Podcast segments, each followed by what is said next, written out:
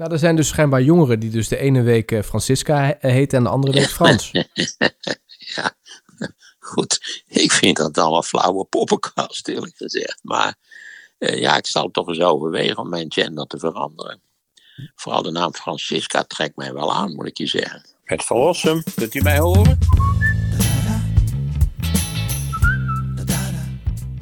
Uh, even kijken, nog een vraag van Erik Blom. Um, die zegt van jullie hebben het vaak over ja, de uitvoeringstaken bij uh, de overheid. En ik probeer nu te bedenken, zegt hij, wat er qua overheid nog wel goed gaat. En ik wist eigenlijk helemaal niets te bedenken. Maar ik kwam per ongeluk de afgelopen zaterdag in de Gay Pride terecht. En eigenlijk een soort van Koningsdag, zegt hij, waarbij iedereen in plaats van uh, ja, met zijn rotzooi op straat te gaan zitten, nu een dagje homoseksueel speelt. De ravage was enorm in de stad. In uh, uh, Amsterdam en Utrecht was ook zo'n versie eerder dit jaar. De stad is nog een groter pretpark geworden dan voor corona. Ik ben een geboren Amsterdammer en ik ga er nooit meer naartoe. Wat vindt Maarten Verrossen ja. van deze ontwikkeling? Nou, dat heb, heb ik wel. Uh, ik vind het verder best zo, die gay pride. Maar ik zou er zelf van mijn leven nooit naar gaan kijken, nee. En ik vind die rotzooi die daar dit soort van festiviteiten achterblijft in steden, vind ik wel, vind ik wel bijzonder onaangenaam. Dat heb je natuurlijk na Koningsdag. Maar dat heb je ook na oud en nieuw, de oud nieuwviering. Dat kan ook vaak één of twee dagen duren voordat die onbeschrijfelijke zooi die de Nederlanders er dan weer van gemaakt hebben, voordat die een beetje opgeruimd wordt. Ja. Dus ja, dat, ik, ik, voel met hem mee. Er zijn nou tal van dingen die nog heel behoorlijk functioneren. Neem de AOW, die functioneert volgens mij prima, altijd op tijd. Eh, als je, als toen ik herinner me nog dat ik eraan moest beginnen, dat ik het totaal vergeten was dat ik 65 was geworden. Dan word je geheel postaal op de hoogte gebracht van wat de mogelijkheden zijn, of je er eens even werk van wil maken. Dus ja, je ziet sommige dingen, vrij simpele dingen meestal, die doet de overheid heel goed en daar is niks mis mee.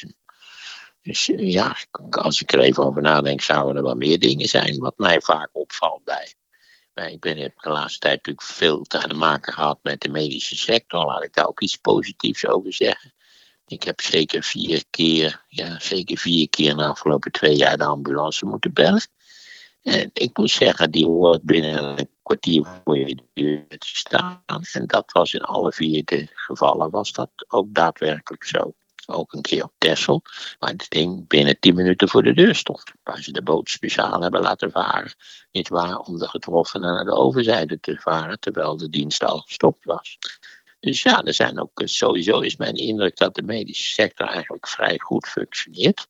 Ik was er niet over de hele linie redelijk over te spreken. Alleen de administratieve kant van de zaak is volgens mij een zootje. En dat is wat je veel in Nederland ziet. Ik zwijg nog even van het feit ook klassiek natuurlijk, dat je in allerlei opzichten niet meer direct telefonisch in verbinding kunt stellen met diegene die je daadwerkelijk moet hebben. Dat je eerst altijd wordt afgepoeierd met uh, er nog wachtende voor je zijn, dat ze geweldig hun best aan het doen zijn. En daar gaan ze maar door. Waarom, waarom we 30 jaar geleden iedereen gewoon zo op konden bellen en tegenwoordig niet meer, is mij een raadsel zou het die banken nou echt zo ontzettend veel geld kosten om die aardige mevrouwen die ik vroeger aan de lijn kreeg, ik heb er al eens eerder over geklaagd, om die weer in dienst te nemen in plaats van zo'n godvergeten callcenter waar je met kastje naar de muur wordt gestuurd en dat je eerst een half uur hebt moeten wachten. Schande banken, schaam je voor dat volkomen systematisch, structureel, klantonvriendelijke houding die jullie erop nahouden. Ja. Maar goed, uh, ja, er zijn zeker dingen die nog heel goed functioneren. En met die ambulance, dat was niet, uh, die deden niet hun best omdat ze wisten dat ze Maarten van Rossum aan boord hadden? Nee, dat was niet mijn indruk in ieder geval. Nee. Want dan het ding moet gewoon klaarstaan en, en kunnen gaan rijden en zo. Dat is niet zo dan dat ze zeggen van god, uh, Maarten van Rossum, uh, laten, we, laten we onze nieuwste ambulance. Nee, nee, nee. Die indruk had ik helemaal niet. Hmm. En hoe is dat dan? Want dan passeren ze natuurlijk ook alle files en alle uh, andere weggebruikers. Hoe is dat om, om dat mee te maken, zeg maar, vanuit de point of view ambulance? Nou ja, dat is in het algemeen. En die ambulance transport doet zich natuurlijk meestal voor op, op tijdstippen dat het niet per se verschrikkelijk druk is. Maar één keer hebben wij te maken gehad met eh, ambulancevervoer. Dat was in de richting van, we kwamen ook van, van, van Texel in de richting van het AMC. Omdat merkwaardig genoeg de hartactiviteiten in het Alkmaarse ziekenhuis in het weekend niet, uh, niet functioneerden. Het is jaren geleden ik dat erbij zeg, ik weet niet hoe het nu is. En ja, we reden op de A10 met de patiënt de file in. En ja, die, die stond daar min of meer stil. En tot mijn ongelooflijke verbazing zegt die, uh, die man naast de ambulancechauffeur, die belde de politie.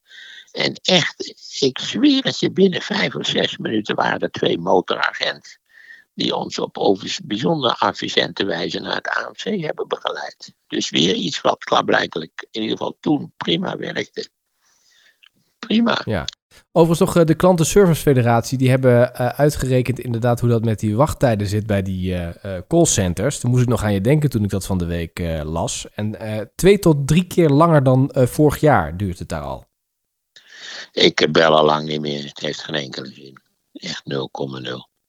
Nee. Dus je moet het beste kun je gewoon naar zo'n kantoor toe gaan en in, in persoon.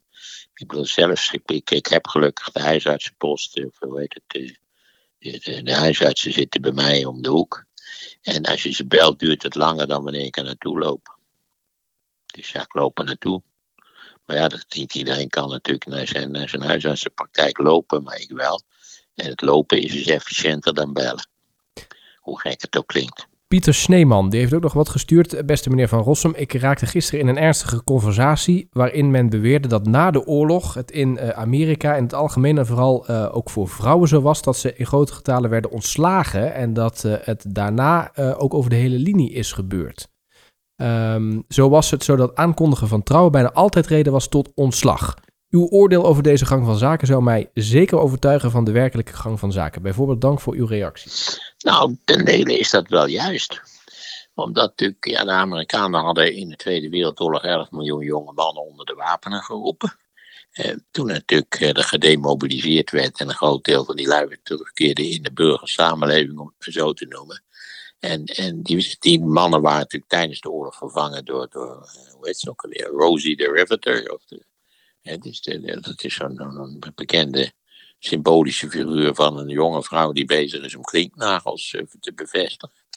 Uh, ja, je kunt de jaren 50 wel beschouwen als een soort de-emancipatoren tijdperk. Ja, de vrouwen verdwenen weer uit, uit allerlei actief, activiteiten in de samenleving en werden weer huisvrouw. Ook natuurlijk, als je naar dat boek kijkt van, hoe heet ze, Betty Friedan, geloof ik dan zie je dat ook van eind jaren 50. Dat, dat, dat is dan de tweede feministische golf. Die wordt eigenlijk opgestart vanuit die de-emancipatie van de jaren 50. Maar ook in Nederland natuurlijk, daar hebben we het toch wel eens over gehad.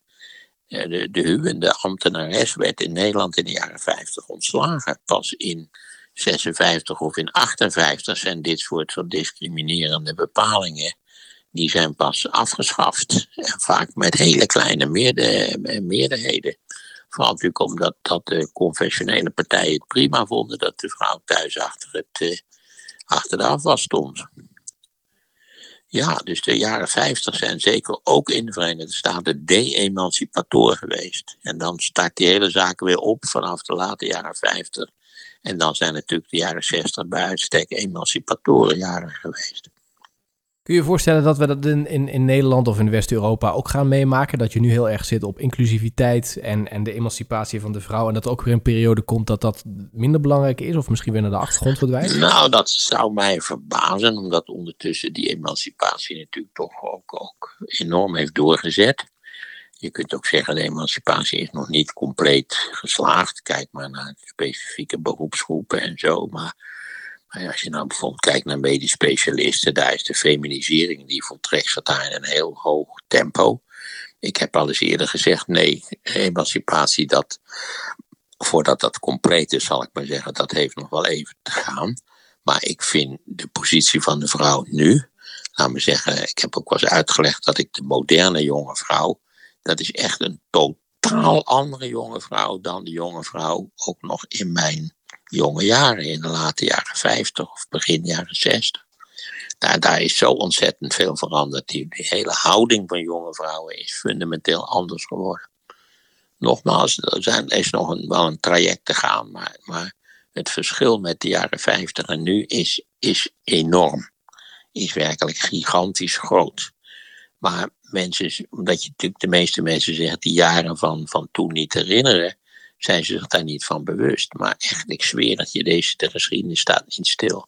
Hmm. Welke rol vind je eigenlijk dat uh, vrouwen hebben in de emancipatie? Nou ja, in principe hebben ze gelijke rechten als mannen. Hmm. Nee, maar wat vind je dat ze zelf moeten doen, zeg maar, in die hele emancipatie? Hoe kunnen ze daaraan bijdragen in positieve zin? Door er steeds ook op aan te dringen dat als ze ergens werken en dat ze, dat ze dezelfde, op dezelfde wijze betaald worden als mannen, daar is nog steeds volgens mij een achterstand. En dat geldt ook voor punten van pensioenrecht. Dus zorg, zorg dat je, laten we zeggen, dat je wettelijk, eh, dat je ook je wettelijke rechten, die er misschien al wel zijn, dat die ook geëffectueerd worden. Begin een proces, bij wijze van spreken. Net zo goed als we natuurlijk op, op de milieu, milieubeweging natuurlijk ook, daar zie je dat de overheid wel allerlei mooie verklaringen heeft getekend en grootste beloftes heeft gedaan, maar verder geen zaak aan doet. Maar als, dat, als die verklaringen uh, officieel karakter hebben, kun je bij de wet in feite je, je gelijk gaan halen. Denk aan, nou ja, daar hebben we het wel zo over gehad, die agendazaak. Hè? Als de overheid het laat liggen, als de overheid zijn plichten, want dat zijn het, zijn plichten laten liggen, wat de overheid met enige regelmaat doet, dan kan de overheid via de wetgever gehouden worden om zijn plichten daadwerkelijk uit te voeren. En dat geldt evenzeer voor, voor vrouwen die volgens mij structureel nog steeds licht onderbetaald worden. Mhm. Maar dat weet ik niet precies hoor. En wat vind je van, van vrouwen die bijvoorbeeld nadat ze kinderen hebben gekregen toch minder gaan werken? Ja, dat is hun keuze. Op zichzelf vind ik natuurlijk, in Nederland wordt veel geklaagd over het feit dat er, dat er zoveel in deeltijd wordt gewerkt. Ik, ik vind eigenlijk deeltijd werken iets heel moois, want je moet ook weer niet, ja, ik, ik, als dat een keuze is, dan moet dat een vrije keuze zijn. Je moet in voltijd en in deeltijd kunnen werken naar eigen keus. Ik vind dat dat werken ook niet, niet het hoofddoel van het, van het leven is. Voor sommigen wel, voor anderen niet. Ik vind werken dolletjes, maar dat komt omdat ik altijd leuk werk heb gedaan. Maar eh, ik kan me heel goed begrijpen dat die vrouwen zeggen: Nou ja, ik, ik, ik, ga, in wat, ik ga wat minder werken. Niet waar, om, om mijn kinderen op te voeden. Omgekeerd zou de man dat ook best kunnen zeggen, toch? Of misschien kunnen ze het wat allebei zeggen. laten we allebei drieënhalve dagen in de week gaan werken. Dan hebben we wat meer tijd en handig geregeld. Hebben we meer tijd voor de kinderen, als je ze dan toch hebt. Overigens, over uh, emancipatie gesproken. In Duitsland uh, heeft de regering nu een, een wet aangenomen, of zijn ze bezig met het aannemen van een wet dat je twee keer per jaar je, je gender, je geslacht dus mag aanpassen in je paspoort. Oké, oh, dus dan heb ik ook nog wel een kansje toch? Nou, er zijn dus schijnbaar jongeren die dus de ene week uh, Francisca heet en de andere week Frans. ja, goed. Ik vind dat allemaal flauwe poppenkast, eerlijk gezegd. Maar ja, ik zal toch eens overwegen om mijn gender te veranderen. Vooral de naam Francisca trekt mij wel aan, moet ik nou je ja, zeggen. Je hebt toen op de boerderij gezeten met Raven. En volgens mij. Ja, zeker. Ja, ja, ja. Hoewel ik er nooit tegen geslaagd ben om hun tegen, tegen Raven te zeggen. Ja, precies. hun was het. Oh, je, je, je, en jij en de vrouwelijke vormen gebruikte. Maar daar viel niemand over. Dat vond zij niet vervelend dat je dat niet deed. Nee joh, wie denkt er nou aan om hun te zeggen? Bovendien vind ik het ook iets. Net als Hully. Hè? Hully hebben het gedaan. Ja. Nou goed, de, de, Duitsers zeggen van als wij zo'n wet aannemen, dan hopen wij dat er ook minder discriminatie komt van transseksuelen en, en, en Ja, dat is, uh, dat is een hele mooie hoop en ik help het ze ook hopen en allemaal heel verdienstelijk. Maar discriminatie, dat, uh, discriminatie is grotendeels onuitroeibaar. Minderheden zullen altijd op een of andere manier gediscrimineerd worden. Dat moet, je moet de effecten zoveel mogelijk zien te beperken. Je moet de uitwassen zien te bestraffen en uitzien te bieden. Maar nogmaals, eh, maak je geen illusies. Discriminatie is, is des zoogdiers, laat ik het zo zeggen. En er komen altijd natuurlijk weer nieuwe minderheden, hè? Ja, er zijn altijd weer nieuwe minderheden. Het is, het is, niks zo fijner dan er weer een minderheid uit te vinden. Hè? Ik heb nog een vraag van eh, Jean-Paul Kievit uit Heemstede. Hij zegt, uh, Maarten, de wereld barst van uh, conflicten op dit moment. Iedereen lijkt ruzie met elkaar te hebben. Kan er ook een wereld bestaan zonder ruzie, zonder conflicten? Stel, alles is pais en vree. Iedereen kan met elkaar overweg. Is dat wel goed? Of hebben we zo nu en dan een conflict nodig om verder te kunnen? Ja, het is maar net aan wie het vraagt. Voor historici is het wel fijn dat er conflicten zijn natuurlijk. Stel voor dat er in de hele wereld nergens één conflict was. Ja, dan zit je wel met een probleem natuurlijk. Want dan moet je ook al die, moet je al die politiediensten opheffen en alle legers moeten opgeheven worden. Dat, het wordt, dat wordt wat zeg. Maar ik denk dat hij zich geen zorgen hoeft te maken als hij zich althans er zorgen over maakt. Het conflict is, is eh, nou ja, ik bedoel, misschien dat mensen die, die. Eh, misschien kunnen mensen ons een brief schrijven die een beetje kijk hebben op hun eigen familiegeschiedenis of op, hun eigen gedrag. En die absoluut met zekerheid kunnen beweren dat er in hun familie in de afgelopen halve eeuw zich geen enkel conflict heeft voorgedaan. Daar ben ik wel benieuwd naar. En, of misschien uh, huwelijken waar, waar zich die al, mensen die al 50 jaar getrouwd zijn zonder dat ze ooit één conflict hebben gehad. Altijd, altijd in lieve vrede hebben geleefd. En dat bedoel ik niet zo'n huwelijk als van mijn grootouders. Fantastisch huwelijk, daar niet van. Maar ja, mijn opa was absoluut de baas, nietwaar? Uh, en mijn moeder, mijn oma had niets te vertellen. Daar, daar leefde zij naar. Daar had ze vrede mee. En dan heb je natuurlijk heel weinig conflicten. Als je een absolute baas hebt, zijn er weinig conflicten. Nee, ik ben bang dat dat conflicten een, een wezenlijk bestanddeel zijn van het menselijk bestaan. Dus als, je dat, als dat de opvatting is, dan kun je er misschien ook wat beter mee omgaan. Want nu, het conflict wordt toch altijd nog als vervelend ervaren. Ja, conflicten zijn nooit leuk, maar vaak moet je, ja, is het toch nuttig om het, om het een conflict te laten worden. En vooral natuurlijk, want als, als je alle conflicten natuurlijk glad strijkt, dan is meestal is dan dus de, de, de, de sterkste is de baas. Dat moet, dat moet je niet doen. We hadden het nu net over al die rechtszaken die je eventueel zou kunnen voeren dat een rechtszaak duidt op een, op een conflictueuze situatie. En het kan noodzakelijk zijn dat je je simpelweg je gelijk haalt, omdat je anders niet waar ondergeschikt wordt aan de, aan, de, aan de machtigen van deze wereld. En conflicten zijn, zijn ook vaak heel nuttig. We hebben het vaker over Mark Rutte gehad. En uh, Peter Erkamp die heeft die gesprek ook geluisterd. En hij zegt van ja, ik heb ook vaak op uh, Mark Rutte en de VVD gestemd. En ik ben het eigenlijk met alles eens wat Maarten heeft gezegd over Mark Rutte. Ook toen hij zoveel jaar, uh, of zo lang premier, de, de langzittende premier is. Maar wie zou nou eigenlijk een goed alternatief zijn? Hij zegt als ik er even over nadenk, dan kom ik eigenlijk op geen enkele naam. Ik ben benieuwd wat Maarten daarvan vindt. Nou, dat, dat klopt wel natuurlijk. En, kijk, en, en, en, beter zou hij zich kunnen beperken tot tot de VVD natuurlijk. En het gaat natuurlijk om de VVD. Om de VVD niet de grootste partij te maken. Dat, dat is denk ik belangrijker. Want dan komt er automatisch iemand anders. En kijk, toen Rutte het werd. Eh, vergeet niet, Rutte is ook begonnen als, als, staatssecretaris. Dat stelde allemaal niet zo verschrikkelijk veel voor. Rutte heeft de, de, de strijd met, met eh, Rita Verdonk bijna verloren. Als hij niet door het partijapparaat gesteund was, dan had hij die strijd verloren. Wiegel en Bolkestein waren voor Rita Verdonk. Dus ja, hij is ook maar iets geworden wat hij niet was. En dat geldt voor iedereen.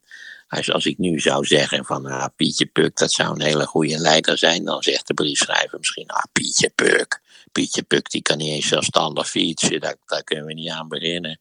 Nee, je wordt natuurlijk in de functie, krijg je ook het charisma van de functie. En ik, ja, nou goed, iedereen weet dat ik het verstandig had gevonden van Rutte om na tien jaar te vertrekken. Maar kennelijk vindt hij dat zelf niet. En vindt zijn partij het ook niet. En daarmee is het lied op. Wat is het, het VU-korps eigenlijk? Het VU-korps, dat is eh, voor, als ik het allemaal goed begrepen heb, is dat een nepkorps. Maar dat weet ik eigenlijk niet zeker. Want dat, dat was toch het verhaal van iemand die had, had, iemand ons niet geschreven dat hij door, door Balkenende ontgroend was? Dat was uh, uh, jouw grote vriend. aan Boekenstein, ja, toch? Jij zat toch met, uh, met hem bij Radio 1 en daar vertelde hij dat volgens mij. Oh, dat was het. Ja, zo zit het. Ja, ja nou ja, ik, god, ja. Kijk, je hebt allemaal van die, van, die, van die studentenverenigingen die dan het koor nadoen. Ook met schreeuwen en groentijden en uh, allemaal, allemaal, al die flauwe en, en nogal infantiele onzin die daarbij hoort. En dat is juist zo gek, dat, dat die corpora, eh, waar vaak dingen gebeuren die eigenlijk niet door de beugel kunnen, dat die door de anderen dan weer worden, worden benijd en, en eh, wordt, wordt het gedrag van afgekeken. Ja, nou dat VU-korps, de, afkorting of een andere naam daarvoor is het LANX. En dat is een Nederlandse studentenvereniging aan de Vrije Universiteit in Amsterdam. En Niek de Meijer die heeft geschreven, omdat uh, jij daar iets over hebt gezegd, schijnbaar in een vorige aflevering. Normaal vind ik u altijd uitermate genuanceerd, maar u noemde het VU-korps zomaar een beetje een mislukt korps. Terwijl het VU-korps een van de enige corpora is zonder schandalen. De enige met een sociëteit die compleet is verduurzaamd en in tegenstelling tot uh, het ASC tijdens de Duitse bezetting niet de loyaliteitsverklaring heeft ondertekend. En met Donner, Balkenende en Grapperhaus uh, prominente politieke figuren heeft voortgebracht. Dus uh, zou ik wilde u graag hier aan ehm, herinneren en uw gedachten hierover horen. Nou, kennelijk, ik, wist niks van, ik wist niks van het vuurkorps, eerlijk gezegd. Dus eh, als dat allemaal waar is wat die mevrouw schrijft, dan juich ik dat van harte toe. Niet. En, oh, het is een man, sorry, dan juich ik dat van harte toe. En dan spijt het mij dat ik dat, dat vuurkorps niet waar zo ongelooflijk tekort heb gedaan, omdat het voldoet aan alle menselijke wijs te stellen eisen ga zo door, zou ik zeggen. Ja, Nieke is daar trouwens ook lid van. En hij zegt, uh, misschien is het wel een leuk idee om een keer uh, een aflevering te maken over de rijke geschiedenis van corpora in Nederland. van de geschiedenis van corpora. Daar heb ik voorlopig even volkomen genoeg van. Okay. Dat ga ik helemaal niet doen. Er zijn aanzienlijk belangrijker onderwerpen dan de geschiedenis van de corpora. Ten meer omdat ze nogal een eentonig patroon vertonen over de hele linie. Bernard Pompen, die komt uit Utrecht en die zegt, uh, Maarten, als je je verdiept in de geschiedenis van Spanje, dan is het toch wel heel treurig uh, als je kijkt naar het verhaal van Frankrijk. Uh, sorry, Franco, de, de, de, man die daar lange tijd aan de macht is geweest. Ja, wat... dat, is, dat is zeker het geval. Ja, ja God, een dictator, overwinnaar van de burgeroorlog, geholpen door Mussolini en Hitler. Dat is allemaal heel treurig. En natuurlijk, Franco was nog in zoverre een verstandig iemand dat hij zich niet heeft laten verlokken om aan de Tweede Wereldoorlog deel te nemen. Maar het gevolg was wel dat hij dus er eindeloos gezeten heeft. en dat was ook zo'n dictator dat er eerst werd er dan een been eh, geamputeerd en dan een arm. En dat je dan na enige tijd vroeg, ja, is er eigenlijk nog wel iets over van Franco behalve zijn hoofd. Eh. en tenslotte is hij dan overleden en heeft Spanje over zijn relatief snel proces van democratisering doorgemaakt. Maar ja, dat is een hele droevige zaak. Ja, zoals, zoals aardsconservatieve dictatoren eh, sowieso. Alle dictatoren zijn een droevige zaak. Al moet ik erbij zeggen dat Spanje bepaald niet de grootste democratische traditie had, bij mij weten. Patrick Post die heeft het nog over de uh, stemmingen in, um, uh, in ieder geval in Amerika. Want hij heeft op YouTube naar de stemming in de Senaat zitten kijken uh, over het toelaten van Finland en Zweden. En hij vraagt zich af waarom die verklaringen altijd zo chaotisch verlopen. Iedereen sjouwt door elkaar, kletst met elkaar. De voorzitter roept lukraak namen met I of no. Ik kan er geen touw aan vastknopen. Wellicht Maarten wel. Nou, ik weet niet, dat is wel waar wat hij zegt. Ik denk dat, dat er een stemperiode is afgesproken. Dat de hele stemming, zeggen, een uurtje mag duren. En dat geleidelijk aan dan de, de, de, pro-tempo eh, voorzitter uh, iets omroept van uh, de, diverse namen afroept, iets in die geest. Maar het, het is waar, het is, het is een, een leuk, leuk proces om te zien. Ik herinner me altijd nog dat, dat vingertje van, of die duim van John McCain. En dat hij dan loopt naar, die, naar dat, dat, waar, de, waar de stem geregistreerd moet worden. Niemand weet wat hij zal doen. En dan in de laatste seconde, niet waar, doet hij zijn duim naar beneden. Met als gevolg dat de Obamacare gered werd. Dus ja, misschien is het ook wel iets, iets het maakt de zaak wat spannender. Maar de, de ware oorzaak, dat zou ik niet weten. En Hans heeft nog een idee om nog een keer een podcast te besteden aan de evolutie in het algemeen. Dat wil ik wel doen. Oké. Ja, dat wil ik wel doen. Ja, en nog eventjes de, uh, de kijkcijfers van de slimste blijven ongekend populair. Dit is echt jarenlang al een hit. Hè? Er zijn ook mensen, veel reacties daarop van mensen die zeggen van... Maarten, hoe verklaar je toch dat het programma toch jaar in jaar uit zo populair blijft? Op Twitter dreigen altijd tientallen mensen nooit meer te kijken... vooral vanwege mijn bijdrage. Maar in de kijkcijfers is daar, is daar eigenlijk uh, nooit iets van gebleken. De kijkcijfers zijn hoog en het, het, blijft een raar. Ik weet het niet. Het wordt mij elk jaar gevraagd. Het wordt Filip en mij elk jaar gevraagd. Waarom draait het zo goed? En uh, iedereen weet, het is twee keer eerder geprobeerd met andere presentatoren die toch ook het vak verstonden. En nou ja, om een of andere duistere reden is de combinatie van twee bejaarde mannen, waarvan er één eigenlijk al lang in het verpleeghuis zou moeten zitten, die uh, is tot op heden heel succesvol. Ik vind het eh, verder prima. Ik ik, wij waren er net zo verbaasd over als alle anderen in, in TV-land. Dat kan ik wel getuigen. Ik heb het vaak genoeg verteld. Het was voor één zomer. eh, we vonden het wel lollig om te doen. We hadden er helemaal geen pretenties mee. Het was helemaal niet de bedoeling dat we er weet ik hoe lang mee door zouden gaan. En, en nou ja, kijk wat het geworden is. Jullie blijven toch nog steeds mensen vinden die mee willen doen. Hè? Dat is op zich toch wel, wel knap. Ja, zeker met dat veel veel mensen zijn betrekkelijk gretig om mee te doen. Omdat je, dat als je er zes of zeven keer zit en je doet het leuk, en je, dan, dan is dat bijvoorbeeld als je in het begin een cabaretier bent of je hebt een ander iets waarvan je een beetje afhankelijk bent van, de, van wat het publiek ervan vindt, kan het een enorm voordeel zijn. Ja, ja. Ik zit hier, ik heb hier nog inderdaad ook, ja, ik zie hier dat eh, Scheveningen, daar hadden we het net even over, daar, daar stuurde ook nog iemand een bericht over, dat dat, eh, dat moet allemaal chiquer, en dat moet ook meer een Tesla-uitstraling krijgen, zodat de ASO's geweerd worden. Dus eh, Oké, in Scheveningen. Dus ja, daar hebben ze er al ervaring mee. Eh, Ik hoop dus dat, eh, ja, ja, ik durf het nauwelijks te zeggen, maar ook elk jaar in het park, bijvoorbeeld het Wilhelminenpark, ben ik dolblij als het gaat regenen en een beetje gaat waaien. Het herfstblad schuifelt over de paden, dat je denkt, eindelijk.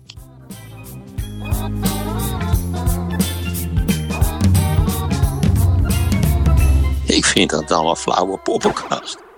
de geschiedenis van onze welvaart. En dan komt er een uitvinder en die vindt iets uit waar nog niemand ooit aan gedacht heeft. En u zult zien, dat is bij geen enkele uitvinding is dat eigenlijk het geval.